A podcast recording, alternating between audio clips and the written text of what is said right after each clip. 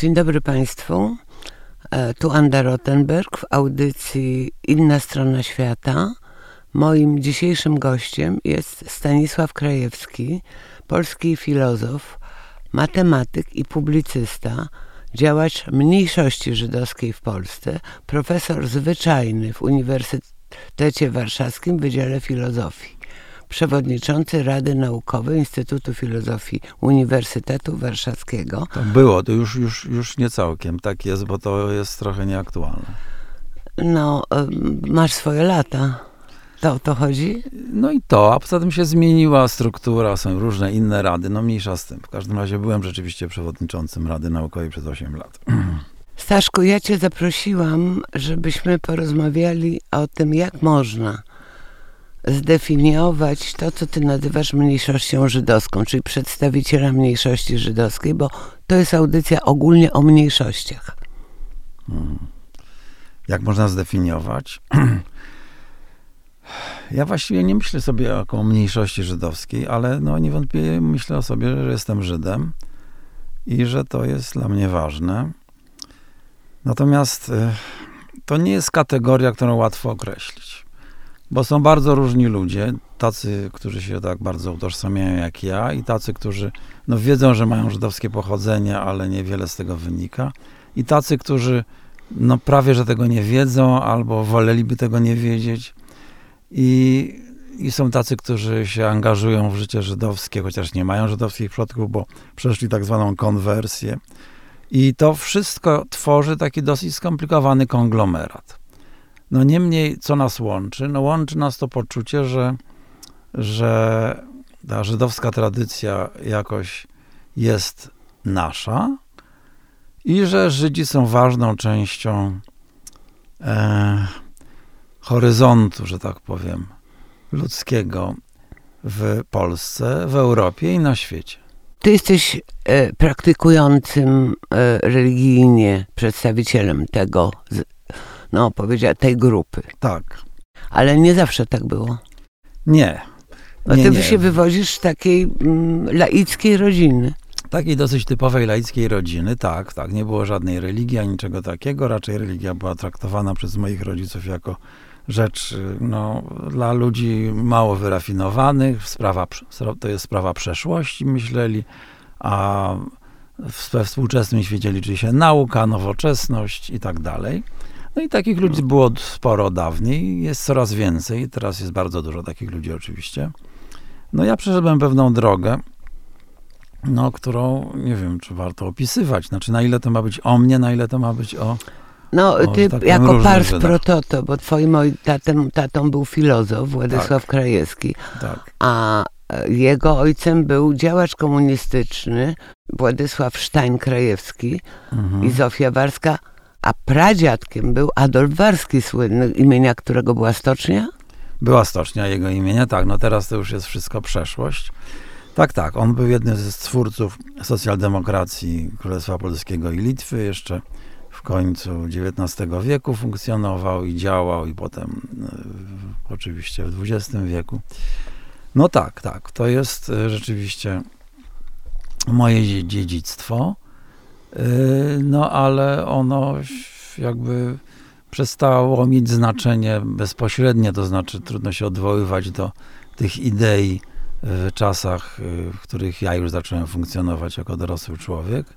No y, ale też nie byłeś pokorny, ponieważ e, no, znany byłeś z tego, że jednak walczyłeś z komuną aktywnie tak. w różnych organizacjach nielegalnych albo półlegalnych później. Więc e, to może jednak coś z tego, e, z tej tradycji rodzinnej wynika. Tak, jeżeli tak na to popatrzeć, to chyba rzeczywiście rodzaj nonkonformizmu rzeczywiście przechodzi z pokolenia na pokolenie, chociaż to nie jest takie proste, bo ten nonkonformizm potem się często łączy jednak z jakimś rodzajem lojalności wobec jakiegoś typu instytucji czy kategorii ludzi, którzy czasem potem stają się ważni, stają się głównym nurtem albo na, zaczynają rządzić. I to powoduje pewne problemy, czy może powodować problemy. No ale w każdym razie rzeczywiście jest tak, że, że te kolejne pokolenia odchodziły od spraw religijnych i od spraw żydowskich tak daleko, jak tylko mogły.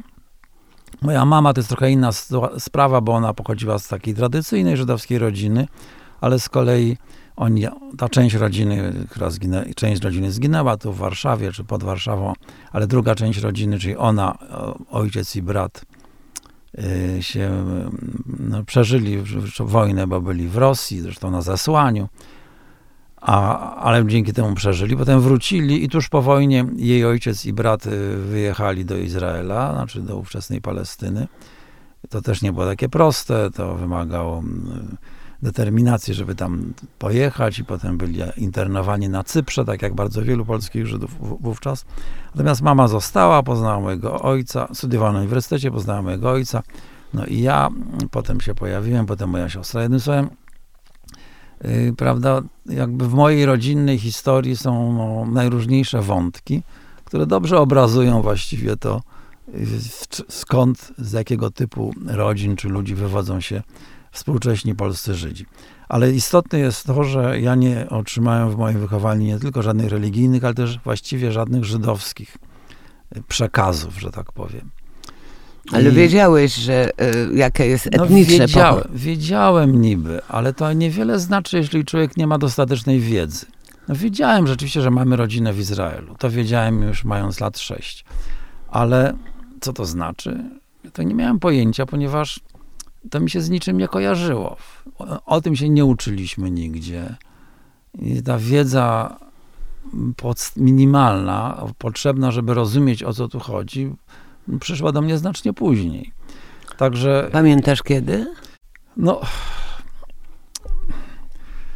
Właściwie trudno mi powiedzieć, bo kiedy byłem młodym nastolatkiem, to wtedy no, sprawy żydowskie były takim bardziej jakby tabu i przez to się o nich nie mówiło, ale już wiedziałem, no, że to jest tabu. I że A że źle być mówi... Żydem? Po pierwsze nie myślałem o sobie, że jestem Żydem. Wtedy, wtedy tak w ogóle nie myślałem. Wiedziałem, że są jacyś Żydzi w rodzinie, wśród przodków. Ale to nie ja. Ale to nie ja, bo to nie, co to ma ze mną wspólnego? Nie wydawało mi się, że nic. Ale A... czy chcesz powiedzieć, że Żydzi to stan świadomości? Nie, nie mówię, że tylko to. Natomiast chodzi o to, że ja tego nie przyjmowałem w taki sposób, żeby powiedzieć, ja jestem Żydem, albo że my Żydzi. Tak nie mówiłem. To się zmieniło dopiero wtedy, kiedy w 67, ale głównie w 68 roku była ta oficjalnie zorganizowana ka, akcja, Akcja. kampania antyżydowska. I ja zrozumiałem, że to się odnosi do mnie i że ja muszę z tym coś zrobić. I że to nie jest tak, że że to, co moi rodzice mi przekazali, czy wprost, czy raczej może nawet bardziej nie wprost, że to są sprawy, te wszystkie żydowskie sprawy są jakieś, to są sprawy przeszłości, już nieważne, to nie ma znaczenia we współczesnym świecie, że to tak nie jest po prostu i że ja muszę z tym coś zrobić. No i to zajęło mi parę lat, żeby się jakby, no, do, do, żeby dojść do tego, że ja z tym chcę coś zrobić konstruktywnego, że zacząłem mówić my Żydzi i tak dalej. I spotkałem parę innych osób, które w podobny sposób przechodziły ewolucję i, no i od tego czasu y, poczuła, poczuwam się do tego, że jestem Żydem, kropka. Jakkolwiek oczywiście cała polska polskość, polska kultura i tak dalej no pozostaje, bo to nie jest coś, co w jakimkolwiek sensie y, chciałem porzucić, to w ogóle mi to nie przychodziło do głowy. Nawet gdybym chciał, nie wiem, czy bym mógł no bo jednak to jest i ten język, i kultura, i wszystko, w którym jestem wychowany. I to pozostaje y, podstawowym punktem odniesienia nadal. I to jest dosyć typowe, bym tak. powiedział. Mikołaj Grynberg mówi, że moją ojczyzną jest język, ale on jest pisarzem. On jest pisarzem, no on jest jeszcze na dodatek trochę następnego pokolenia, co chyba niewiele może akurat tutaj zmienia. Y, no, to jest taki bon mot. Ja nie jestem pewien, czy, czy to tak to w jakichś kontekstach dobrze brzmi, natomiast w wielu innych kontekstach jest jednak inaczej. No, pytanie jest, jakie, nie wiem, jakie wybory polityczne, czy znaczy jaki udział w jakich wyborach parlamentarnych, czy jakich człowieka no, i przyciąga i zarazem ma poczucie, że to jest coś ważnego, w czym powinienem uczestniczyć. Wynik jakich wyborów ma dla mnie znaczenie w jakiś bardziej osobisty, a nie tylko ogólnopolityczny sposób. I oczywiście tutaj Polska jest zawsze na pierwszym miejscu, jakkolwiek to, co się dzieje w Izraelu, też oczywiście mnie i dotyczy, i dotyka. To do tego jeszcze wrócimy. Ja bym chciała podjąć taki temat, wiesz, bo istnieje coś takiego jak funkcjonujące w dalszym ciągu w takim społecznym, szerokim obiegu e, przyznawanie e, mm, ustaw norymberskich, że Żydzi to jest etnia i krew. Więc ponieważ ja nie jestem zwolenniczką ustaw norymberskich, kiedy się zastanawiałam nad tym, kogo ja mogę używ- uważać za Żyda, tak Żyda, to to jest jednak religia. Bo ty no. jesteś praktykującym Żydem. Tak, rzeczywiście to już, już bardzo dawno do tego doszedłem i, i się poczułem y, w tradycji żydowskiej religijnej w taki sposób, że poczułem, że to jest moje miejsce, że ja tutaj mam. Um, Synagoga znaczy.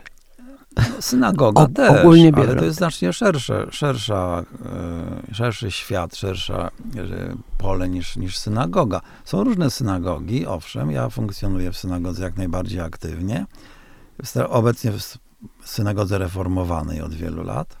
Którą reprezentuje Michael Siedrich? Nie, nie. Michael Schudig to jest synagoga, która się stała ortodoksyjna. Ona przedtem była taka nie do końca określona. Już od wielu lat jest ortodoksyjna. Ja tam byłem przez wiele lat, ale od y, lat 10 czy ponad 10 jestem, jestem w synagodze reformowanej, która jest bardziej, że tak powiem, liberalna. Y, o, o, tych liberalnych rzeczach też porozmawiamy za Bardzo chwilę. proszę. E, bo... Każdy... Tak. Możemy i teraz, no jeśli chcesz. No dobrze, to porozmawiajmy o tym ponieważ, y, no wiesz, życie w diasporze od tysięcy lat, prawda? Nie, Żydzi nie są jedyną diasporą, bo są nimi również na przykład Romowie, um, którzy mają swój kod kulturowy zmierzający do tego, żeby się nie rozpuścić w tych społeczeństwach, w których żyją. I ten kod kulturowy jest związany w wypadku Żydów z kodem religijnym. Prawda? Ja się zgadzam, tak. Rzeczywiście ja myślę, że w, w centrum, czy nie wiem, jako pień taki, który to wszystko trzyma, jest rzeczywiście judaizm, y, jego różne wersje i poczucie związku z tą historią biblijną i z ziemią Izraela. Y, która jest też w Biblii, prawda, takim bardzo ważnym elementem. To są niesłychanie ważne rzeczy. Natomiast faktem jest, że bardzo wielu ludzi obecnie, już od, już od kilku pokoleń, prawda, ładnych kilku pokoleń, powie o sobie, ja jestem Żydem, ale nie jestem religijny. Bo, bo to nie, to religia, no to nie dla mnie, ale oczywiście, że jestem Żydem, bo kulturowo i mam poczucie związku i poczucie no dlatego mówiłam o stanie umysłu. Należności. No to jest, rzeczywiście to jest stan umysłu. No, wszystkie tego typu y, przynależności no, są w sumie stanem umysłu, no, bo, bo, bo nie mają żadnych oznak innych niż, niż, niż poczucie, czy samopoczucie człowieka. Y, natomiast y, no, to jest bardzo ważny, ważna część tej naszej rzeczywistości, prawda, że są ludzie, którzy którzy zupełnie niereligijnie, a czasem wręcz antyreligijnie, czy nawet ostro antyreligijnie chcą definiować swoje jednak bycie w tym świecie żydowskim. Bundowcy. To jest tradycja bundowska, no tak, prawda? Znaczy to, ponieważ ta żydowska religia tradycyjnie rzecz biorąc, no, bardzo duże narzuca wymagania, ograniczenia i w sposobie życia, i w sposobie, nie wiem, to co można jeść, czego nie można jeść w różnych sprawach takich no więc bunt przeciwko temu je, był też bardzo ostry. I Marek też, Edelman. Edelman jest tego dobrym przykładem, oczywiście.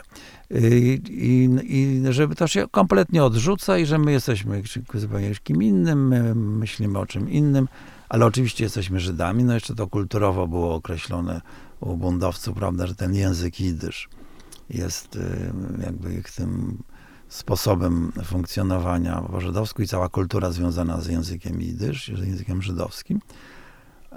No ale to już od, nie funkcjonuje w moim pokoleniu praktycznie w ogóle. Pra, praktycznie nie ma ludzi, którzy znają ten język, a, a już na pewno nie, ta, nie, ma takich, dla których to jest ten główny język, w którym oni funkcjonują. W tym sensie to jest naprawdę sprawa przeszłości. Y, no więc ja owszem uważam, że religijne źródła, religijna, religijny fundament jest najważniejszym tutaj czynnikiem, który definiuje co to, to co, co to znaczy być Żydem, ale wielu moich znajomych, czy też przyjaciół, by powiedziało inaczej, że nie, że my tak kulturowo, jakoś przez samopoczucie, przez związek, czy etnicznie.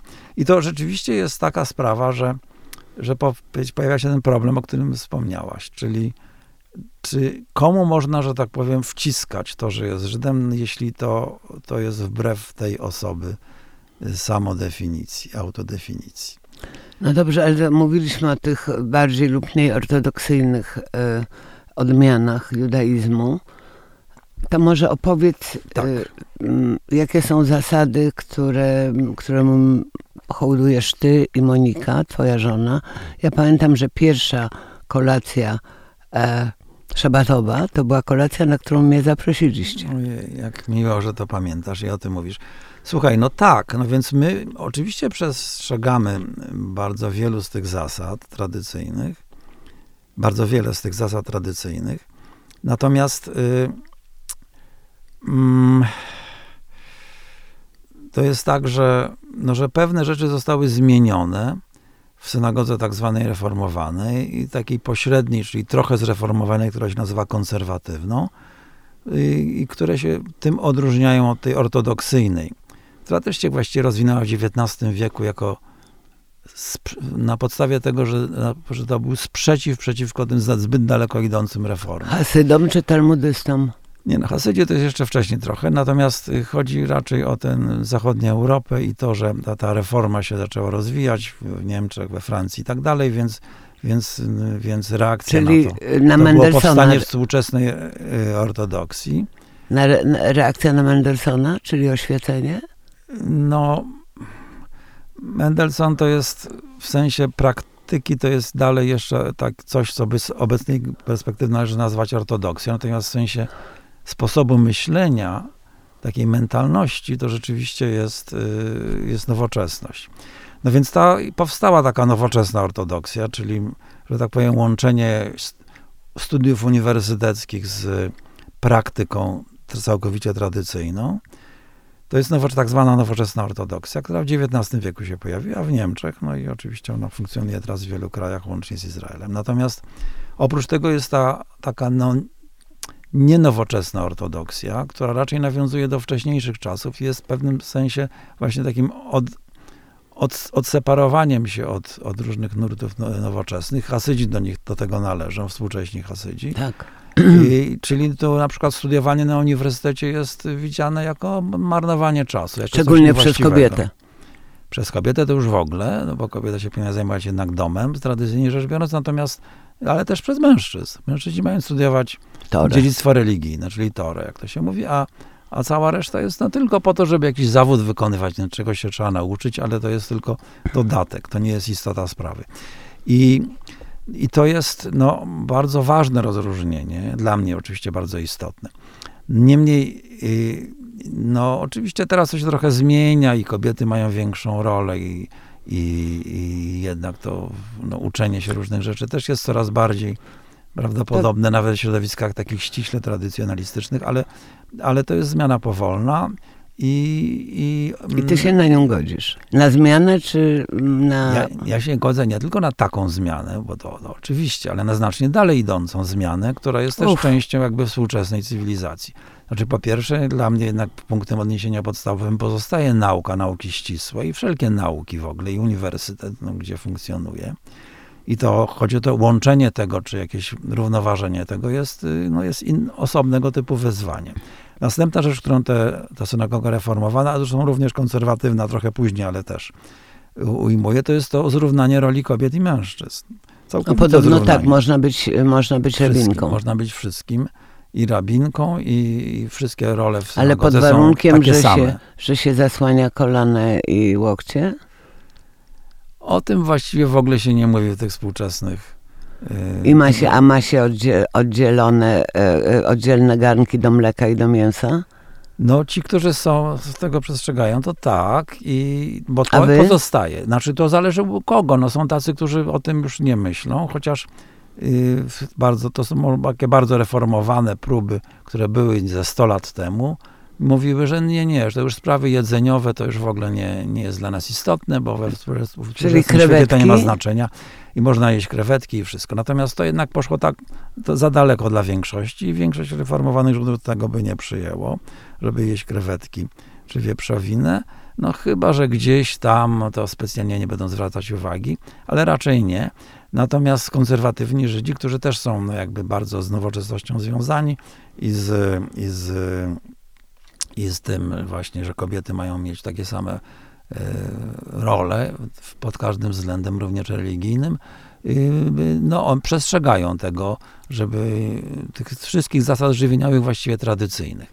No się robią pewne takie małe, ale i dosyć ciekawe wyłomy. Na przykład ostatnio w Ameryce ta taka rada, która decyduje o tych sprawach religijna, zdecydowała w synagodze konserwatywnej, rada konserwatywnej, nie tej ortodoksyjnej, ale konserwatywnej synagogi, że restauracja, która jest y, wegańska y, w, całkowicie, jest już całkowicie do przyjęcia i może być uważana za koszerną. Ale to Szudzik przecież to wybrał swego czasu, jak w Japonii był rabinem. Zaraz, zaraz. To, no on wtedy był rabinem konserwatywnym rzeczywiście. Ale w razie to zostało Ale uznane jako... na weganizm. Co to- Na, nie, na wegetarianizm. Na nie wega- na o, weganizm. Na wegetarianizm. Ja też jestem wegetarianinem od 30 paru lat, także to, to oczywiście to bardzo ułatwia życie y, z perspektywy tej tradycyjnej restrykcji żywieniowych. I teraz zresztą jest jakby częścią takiego ważnego nurtu ogólnego, prawda, więc to jest teraz bardzo proste. Y, Natomiast y, chciałem powiedzieć, że, że, że taka oficjalne, to jest zupełnie świeża rzecz, oficjalne uznanie, że wegańska restauracja, nie taka, która ma zdania mięsne, a obok wegańskie, to taka nie, ale taka, która jest czysto wegańska cała, to wtedy to w ogóle nie stanowi żadnego problemu z perspektywy koszerności. No i tak dalej, i tak dalej. To wszystko jest dosyć skomplikowane, ale chcę powiedzieć, podkreślić taką główną rzecz, że w, istnieje w żydowskiej tradycji bardzo wyraźne rozróżnienie między czymś, co można nazwać ortodoksją, w sensie to, jak w co się wierzy, a ortopraksją, czyli co się praktykuje. I właściwie z żydowskiego punktu widzenia ortopraksja jest bardziej ważna. Jest ważniejsza, ponieważ no, to jest taka rzecz wymierna. Co jeść, czego nie jeść, jak się zachowywać, jak się odnosić do innych ludzi. Natomiast to, że tam człowiek wierzy w to, że coś jest w świecie niewidzialnym, że Bóg jest jakiś albo inny, że coś będzie w przyszłości, coś będzie po śmierci, to są tak ulotne sprawy, jest tyle opinii na ten temat. Ale to że chyba w pewnym każdej sensie jest drugorzędne. tak jest. Praktycznie tak jest chyba w każdej, natomiast formalnie nie. Ja bym powiedział, że tak formalnie w niektórych innych religiach, no, no nie, to nie jest nasz temat dzisiejszy, ale no, pewne tego typu dogmaty są uważane za niesłychanie ważne i wiążące. Ale Oczywiście ludzie w telefonów, praktyce tego nie... ale telefonów w szabat nie odbierasz. Ja nie odbieram szabat telefonów, nie używam telefonu, nie używam żadnych urządzeń. No chyba, że to jest związane z koniecznością, prawda, zrobienia czegoś, co, żeby przeciwdziałać czy to śmierci, czy, czy uszczerbkowi na zdrowiu. To jest inna sprawa. Ale to jest też zgodne z tradycją. Ja nie, ja, więc ja dosyć funkcjonuję tradycyjnie w sensie ortopraksji, natomiast nie w sensie no jakby mentalności myślenia o świecie, ujmowania tych spraw światopoglądowych, to funkcjonuje bardzo nowocześnie, bym powiedział, i łączenie tego nie zawsze bardzo proste jest, y, jest właśnie dobrym, dobrą oznaką tego, na czym polega synagoga konserwatywna, mi najbliższa, ale żadnej poważnej w Polsce nie ma, więc jestem członkiem synagogi reformowanej. Em, jesteś, a chyba nawet współzałożycielem Polskiej Rady Chrześcijan i Żydów. To znaczy, jednak szukasz sposobu na funkcjonowanie w środowisku, które w większości to są chrześcijanie. Tak. Oczywiście jestem współzałożycielem i, i od tego czasu też współprzewodniczącym Polskiej Rady Chrześcijan i Żydów, czyli od, no praktycznie od razu po 1989 roku to się na, to nastąpiło. No to jest dla mnie ważna rzecz, e, e, ale powiedziałem jednak dosyć nietypowa. To znaczy, jeżeli mamy mówić o tym, jacy są Żydzi, to relacje z chrześcijanami oczywiście są ważne, no bo żyjemy w świecie, w którym chrześcijaństwo jest dominujące. Natomiast też oczywiście teraz ma swoje, problemy i kryzysy, ale to jest inna sprawa. I w związku z tym to jest ważne dla wszystkich, ale żeby się naprawdę angażować w to i potraktować to jako jakby zadanie dla siebie, no to jest raczej wyjątkowe, powiedziałbym bardzo wyjątkowe. A dla mnie to nie jest kwestia tego, żeby jakoś, żeby ułatwić życie, czy żeby jakieś problemy rozwiązać, które się pojawiają. Raczej dla mnie to jest bardziej fundamentalna sprawa, mianowicie chodzi o to, że, żeby w sposób rzetelny traktować inne religie, w szczególności chrześcijańską i katolicką religię, to znaczy traktować ją w sposób rzetelny, ale z perspektywy własnej religijności. I ludzie, którzy są w tych tak zwanych sferach dialogu międzyreligijnego, właśnie tak na, na to patrzą, ale stanowimy niewątpliwie małą mniejszość. Ja pamiętam, że y, zawiadomiłeś mnie o modlitwie związanej z sytuacją w Izraelu, e, o modlitwie y, o pokój, w której brali udział również przedstawiciele islamu. Tak. I mnie się to bardzo podobało, bo to jest myślenie ponadokazjonalne, prawda? Mhm. E, bo rzeczą okazjonalną jest wojna, której trzeba, która, po, po niej trzeba żyć. Dokładnie tak myślę, owszem. To znaczy też taką wymyśliłem formułę, że horyzontem każdej wojny, również tej, musi być pokój. I pytanie oczywiście, co to znaczy i jaki ten pokój będzie. I to nie znaczy, że on ma być sprowadzony w tym momencie koniecznie, ponieważ no, są jakieś wymogi inne, prawda, które powodują, że ta wojna trwa. Y, ale rzeczywiście horyzontem musi być pokój, ale pokój prawdziwy. Nie rozejm, który jest też rodzajem pokoju, tak, ale taką rozejm pod, to jest broni i potem ludzie przygotowują do następnego etapu wojny, prawda? No chodzi o to, że takie no, dosyć utopijne w sumie myślenie, że, że, że prawdziwy, trwały pokój, szalom jest możliwy, powinien być horyzontem wszelkich y, działań, y, nawet jeśli to jest bardzo trudne w praktyce do uzyskania i sobie to bardzo trudno to teraz wyobrazić, że, że to nastąpi, ale tak powinno być na pewno w tej wojnie, która jest teraz w Izraelu, Izraelu z Hamasem i która obejmuje no, jakby jednak coraz więcej ludzi niestety. Tak samo w wojnie ukraińskiej przeciwko agresji rosyjskiej. No też musi być perspektywą jakiś pokój i współpraca, a nie po prostu wojna, wojna do zwycięstwa. Chociaż to, że ludzie, którzy walczą, chcą zwyciężyć, to jest naturalne. Ja absolutnie nie mam to do nich pretensji i nie, i nie próbuję im, że tak powiem. Powiedzieć, poddajcie tak, się w imię pokoju. Ich pouczać. Tego nie próbuję.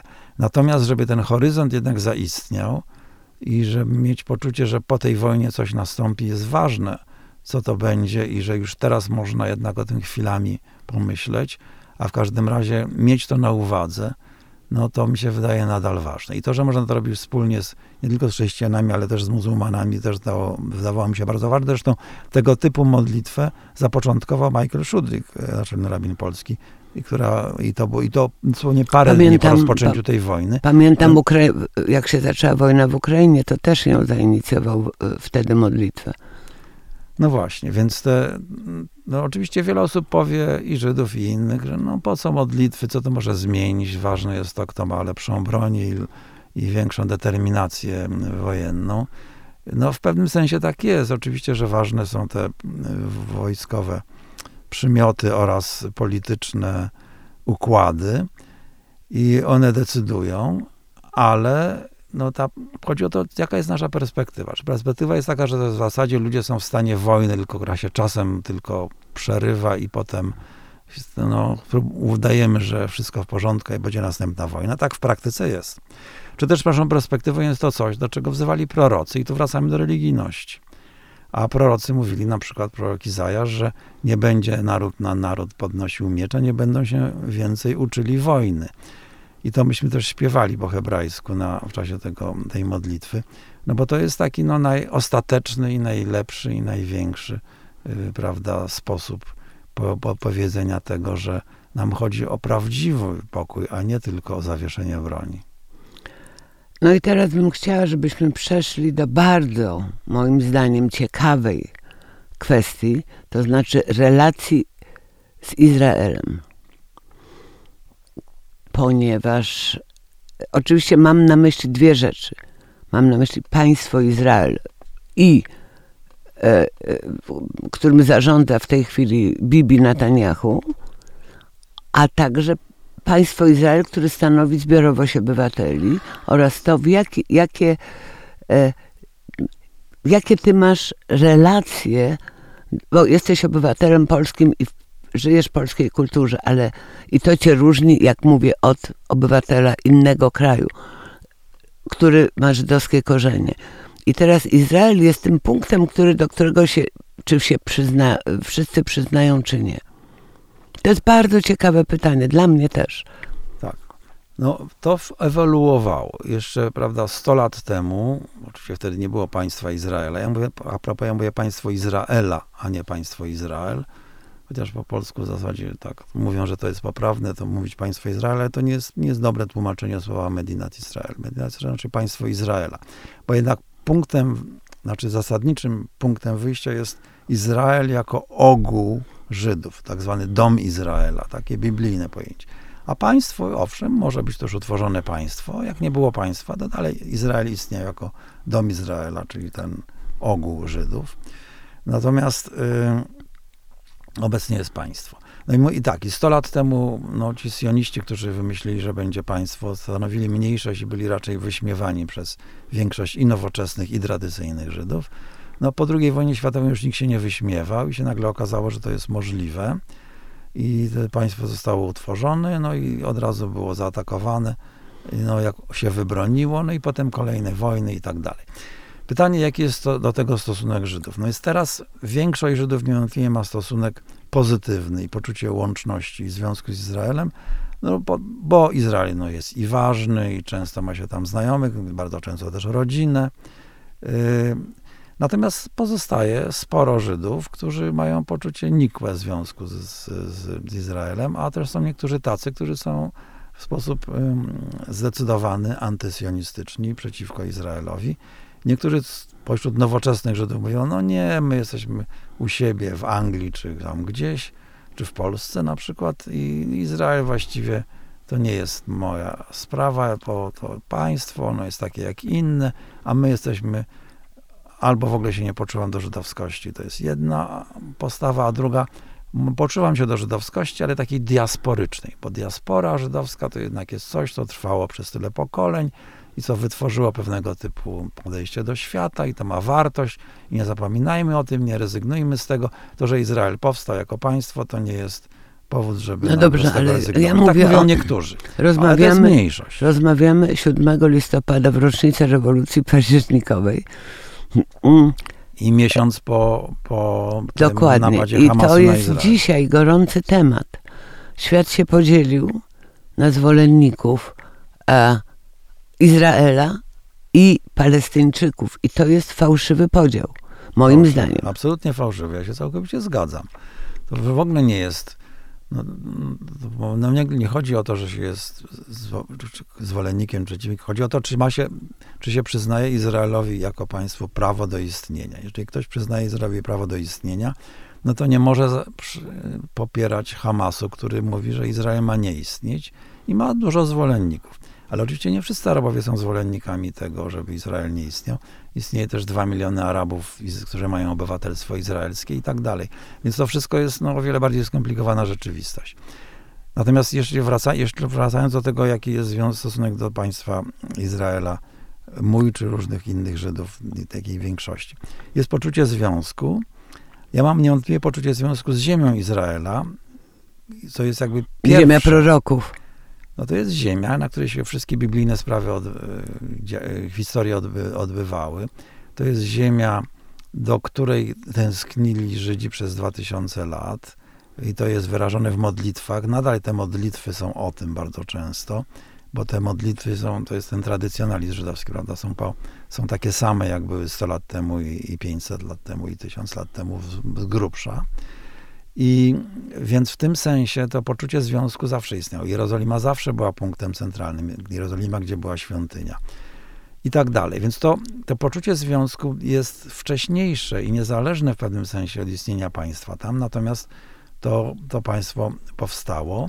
I teraz jeszcze, żeby dokończyć ten wątek tych Żydów, którzy nie akceptują państwa, istnieje zupełnie inne skrzydło, też bardzo niewielkie liczebnie, ale jednak w jakimś sensie pojęciowym istotne, Żydów, którzy są z przyczyn religijnych przeciwko państwu i przeciwko sionizmowi. Nie, to wiemy, tak. Oni bo mówią, że to musi Mesjasz w sposób nadnaturalny sprowadzić, a państwo stworzone metodami polityczno-wojskowymi to nie jest to, o co chodzi.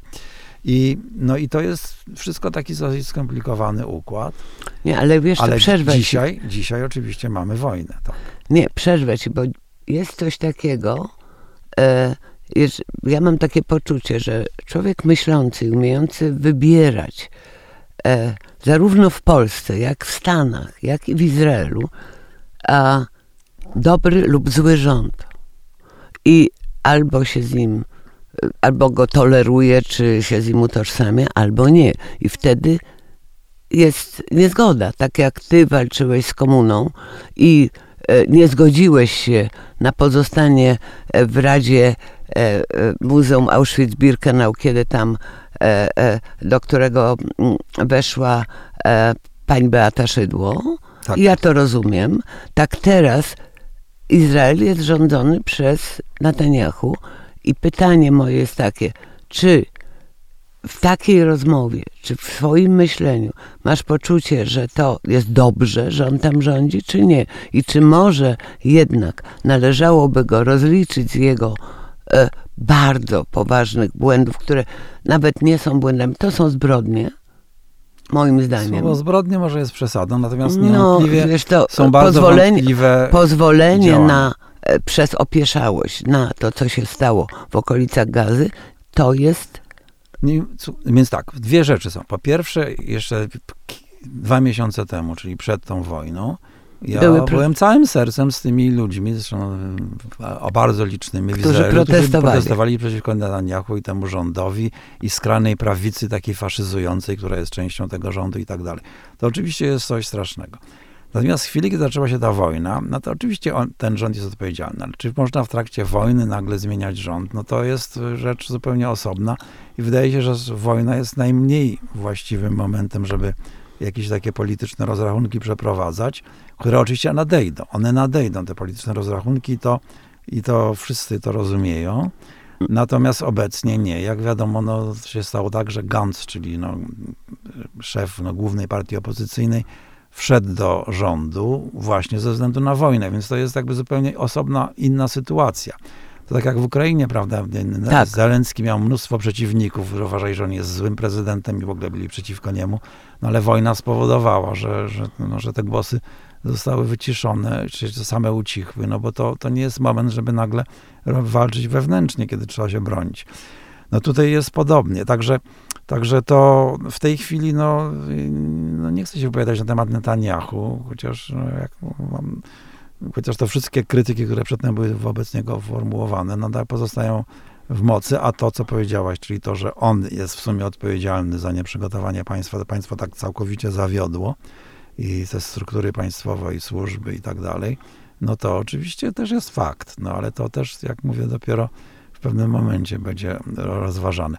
Pytanie jest teraz takie, na ile ja, siedząc sobie wygodnie i spokojnie w Warszawie, mogę mogę no, w ogóle się wypowiadać na nie, temat nie, tego, nie, nie, Właśnie to jest to... osobna sprawa, bardzo ciekawa. Ja mam pod jednak poczucie pewnego ograniczenia, to znaczy no, ludzie, którzy uczestniczą albo wprost, albo po prostu, że ich bliscy uczestniczą w wojnie, albo, albo są jakoś uwikłani przez to, że te rakiety, które do, docierają do każdego zakątka Izraela teraz i są wystrzeliwane jednak tysiącami ciągle, to, no, to mają prawo mówić, co chcą, natomiast ja no, się trochę pos, powinienem powstrzymywać, bo, bo, bo twoja rodzina... Bo ja jestem jednak bardzo daleko i, no, i przez to mam trochę mniejsze prawo głosu w sytuacji, która jest e, taka trudna, a nie zwykła. W zwykłej sytuacji to oczywiście wtedy wszyscy mogą. To może życzmy mm, światu e, i Izraelowi i Palestyńczykom, żeby nastało to, o co się modlisz, czyli pokój. Prawdziwy pokój. Jak najbardziej wszystkim, wszyscy na to zasługujemy. Dziękuję Ci bardzo. Moim rozmówcą był Stanisław Krajewski, a to była audycja Inna Strona Świata. Żegnamy się z Państwem do następnego wydania. E, Anda Rottenberg.